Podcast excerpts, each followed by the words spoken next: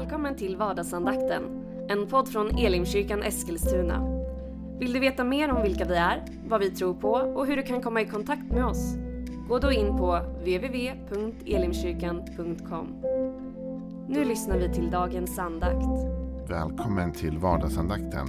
Jag heter Joel Backman, jag är pastor i Elimkyrkan Eskilstuna. Vi har under några dagar förra veckan talat om Gud som vår försörjare. Och vi kommer fortsätta med det även den här veckan. Och man kan fundera kring varför är det ett nödvändigt eller viktigt tema egentligen? Jo, vi tror att det är viktigt därför att vi tror att många människor just nu brottas med de här frågorna. Det finns många i vårt samhälle som har det svårt ekonomiskt, som inte har det man behöver, som inte upplever att de behov man har blir tillfredsställda. Och om du inte har det så nu, utan du känner att läget är lugnt, så kan det ha funnits någon tid i ditt liv då du var orolig för din ekonomi eller då du kände att det inte räckte till. Eller det kan vara så att du blickar framåt och känner att du är orolig för framtiden. Oavsett detta så kan vi finna tröst i att Bibeln talar faktiskt mycket om att Gud vill försörja och ta hand om oss och våra behov. En av dem som gör det i Bibeln är ju kung David. Och Vi talade förra veckan en del om att han beskriver Gud som sin herde. Som den som tar hand om honom, leder honom till gröna ängar där han kan äta. Ser till att det finns det han behöver. Han talar också om att Gud har dukat ett bord åt honom. Som en förälder dukar bordet åt sina barn ungefär och tar fram det som behövs. Som behöver få finnas där. På samma sätt så säger han att Gud har dukat ett bord för honom. Vi ska inte dröja kvar i psalm 23 hela den här veckan. Utan vi ska nog lämna den saltarsalmen idag. Men Innan vi gör det så vill jag ta ett uttryck till ur den salmen som handlar om hur och på vilket sätt som Gud ändå försörjer för dig och mig. Det är vers 5 i psalm 23 och då står det så här. Du dukar för mig ett bord i mina fienders åsyn. Du smörjer mitt huvud med olja och låter min bägare flöda över. Här talas det om, om det dukade bordet. Det talas om bägaren på det bordet och hur Gud fyller denna bägare. Och hur fyller då Gud bägaren? Hur fyller Gud dina och mina behov? Är det precis lite grann på botten? Är det medelfullt, halvfullt, helfullt? Eller är det till och med överflödande? De flesta bibelöversättningar säger överflödande. Jag vet att Bibel 2000 säger du fyller min bägare till bredden. Men det är den enda översättning jag har sett som säger så. Och även om det skulle vara så, så är det ändå välfyllt. Det är inte sparsamt fyllt, utan upp till bredden eller rinnandes över kanten till och med. Gud fyller dina och mina behov rikligen, kan man säga. Men innan vi säger något mer om det, så tror jag man måste också inse detta som ofta blir mitt fall. Kanske inte för dig, du kanske har koll på det här, men jag måste påminna mig själv ständigt om att den bägare som flödar över är dukad på det bord som Gud har dukat för mig. Allt för ofta så vill jag hitta min egen bägare och säga Gud fyll den här tills det flödar över. Jag har min egen plan om hur saker och ting ska se ut. Jag dukar ett eget bord och säger Gud fyll nu alla faten och fyll bägaren och allt detta. Men Gud har aldrig lovat att, att fylla alla mina planer till överflödande. Men han har sagt att det bord jag har dukat för dig Joel. Om du sätter dig vid det bordet. Om du väljer min plan för ditt liv. Och om du liksom ser till att äta där jag säger ät.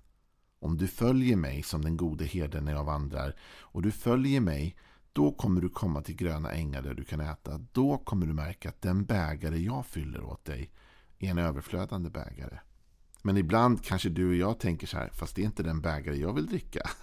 Jag vill ha eh, saft och inte vatten. Eller jag vill ha läsk och inte saft. Eller vad du nu har för någonting. Gud är den som häller. Gud är den som bestämmer vad som hälls upp. Och Gud är den som häller i den bägare han har valt. Och Du och jag måste förstå det tror jag. För ibland kan vi tänka, ja men jag har inget överflöd i mitt liv. Men vilken bägare dricker du? Och vad är det du dricker? Och är du säker på att det är här Gud har sagt att du ska vara? Och det här är saken Gud har bett dig göra? Vi måste ständigt fundera kring de sakerna. Så vi inte klandrar Gud för någonting han inte är skyldig till. Han har lovat att duka ett bord för oss. Frågan är om vi sitter vid det bordet. Men hur som helst, när man nu har sagt det och kastat in den lilla tanken så vill jag ändå säga att det här har mycket också att göra med vilken bild vi har av Gud. Är Gud en liten eller en stor Gud? Vill Gud göra precis på gränsen? Är Gud en lagom Gud? Som fyller mina behov sådär lagom svenskt? Precis på kronan och öret? Eller är han en Gud som gör mer än jag förväntar mig att han ska göra? I Efesierbrevet så talar Paulus lite om det och han säger så här i Efesierbrevet, det tredje kapitlet och den tjugonde versen. Han, och då talas det om Gud då. Han som kan göra långt mycket mer än allt vi ber om eller tänker oss genom den kraft som verkar i oss. Hans är äran i församlingen och i Kristus Jesus genom alla generationer, i evigheters evighet. Han som kan göra långt mer än allt vi ber om. I någon översättning står det Han förmår göra långt mer än vi kan bedja eller ens tänka. Och den översättningen skulle antyda att vi kan inte ens tänka stort nog vad Gud kan göra. Han förmår alltid att göra mer. Han förmår överträffa våra förväntningar. Och det är det som jag vill få med dig idag. Tänk inte att Gud bara precis kan hjälpa dig. Gud kan överflöda ditt liv. Gud kan låta din bägare rinna över. Men visst, det kanske blir på ett annat sätt än du har tänkt. Bägaren kanske ser annorlunda ut. Vattnet är kanske, det kanske är vatten, inte saft, eller saft och inte vatten, eller vad det nu är. Han bestämmer både bägare och innehåll. Och det kan se annorlunda ut än du och jag hade tänkt. Men om vi följer heden så har han lovat att duka ett bord, försörja för oss. Och han har lovat att hans försörjning är inte knapphänt. Utan den bägare han ger oss, den flödar över. Han kan göra det. Han kan faktiskt göra mycket mer än du ens kan tänka eller förmå greppa. Liksom. Han är större. Det är ett uttryck jag verkligen gillar. Gud är större. Han är större än allt. Han kan allt. Vid ett tillfälle blir ju Jesus ifrågasatt kan man säga för den förälder som säger hjälp mitt barn om du kan. Och Jesus säger om jag kan. Allt är möjligt för den som tror. Och Jesus drar oss alltid in i detta övernaturliga, denna oerhörda kraft. Gud kan göra långt mer än du kan tro eller ens tänka.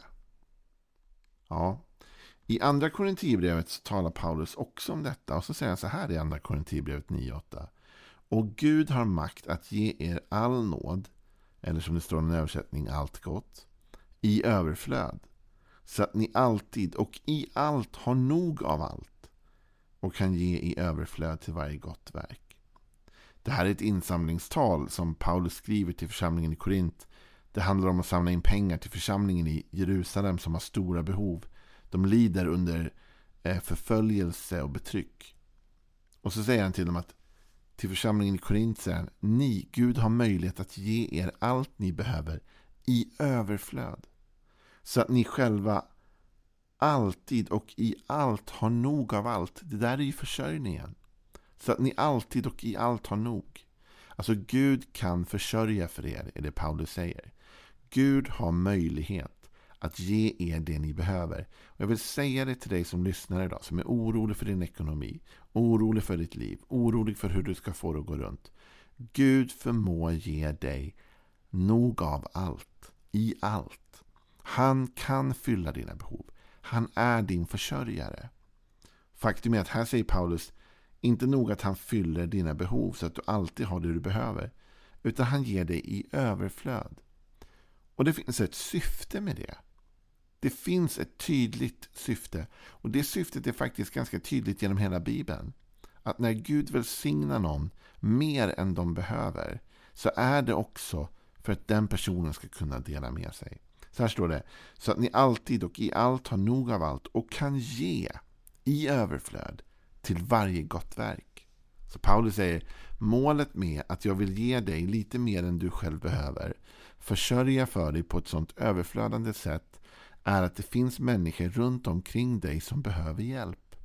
Och jag vill att du ska vara en utsträckt hand till de människorna.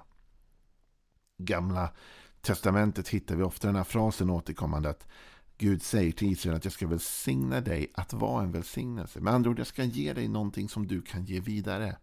Jag ska välsigna dig på ett sådant sätt att du sen kan hjälpa någon annan. För det är ju så. om du och jag inte har det vi själva behöver, då har vi väldigt svårt att ens hjälpa någon annan.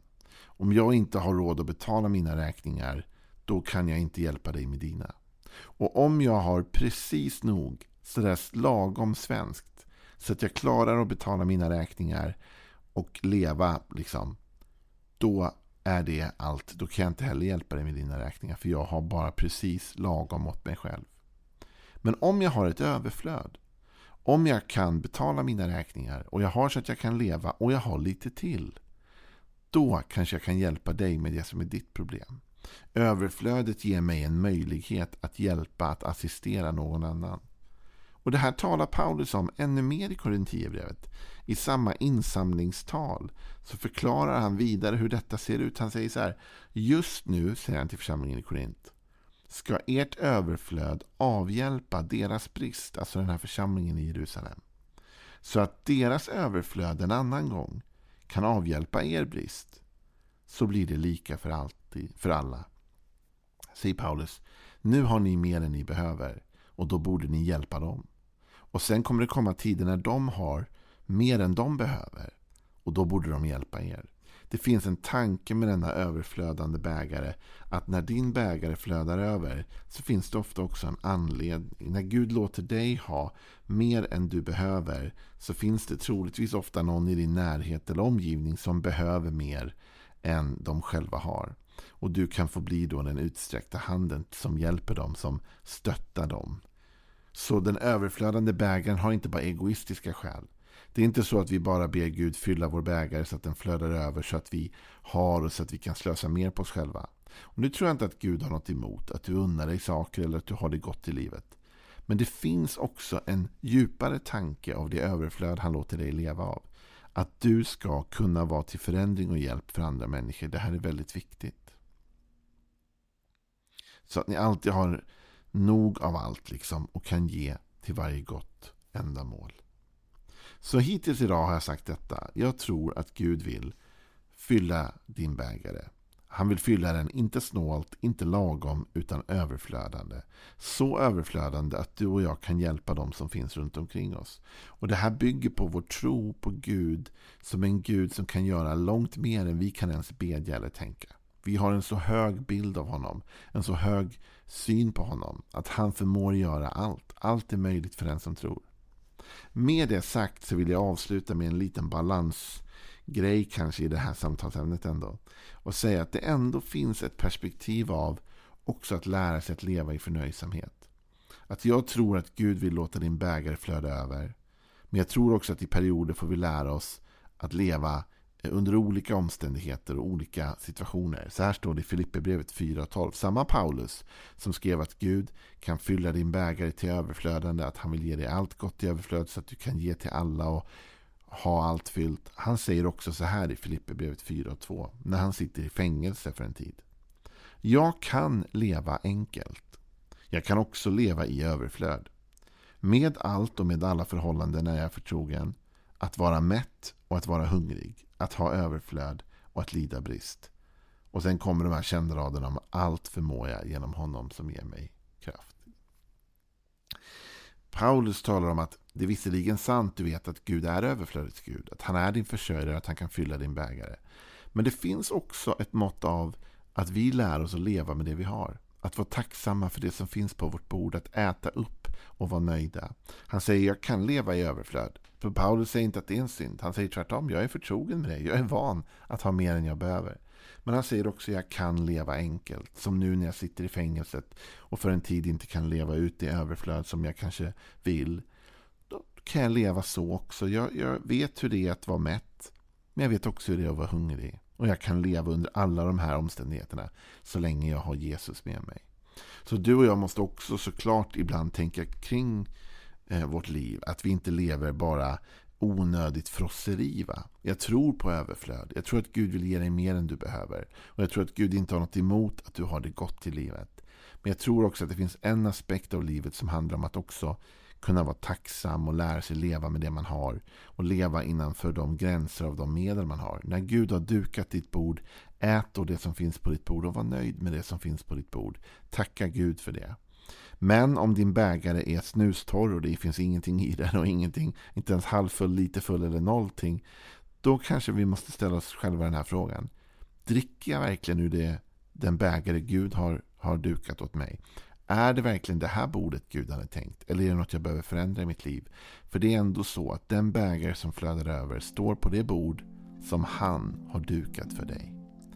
Imorgon talar vi mer om hur Gud försörjer för våra behov. Men fram tills dess, Gud vill låta din bägare flöda över. Ha en välsignad dag. Hej då. Du har nu lyssnat till vardagsandakten från Elimkyrkan Eskilstuna. Du har väl inte missat att vi finns på sociala medier? Eller att vi varje söndag firar gudstjänst? Hoppas att vi ses där.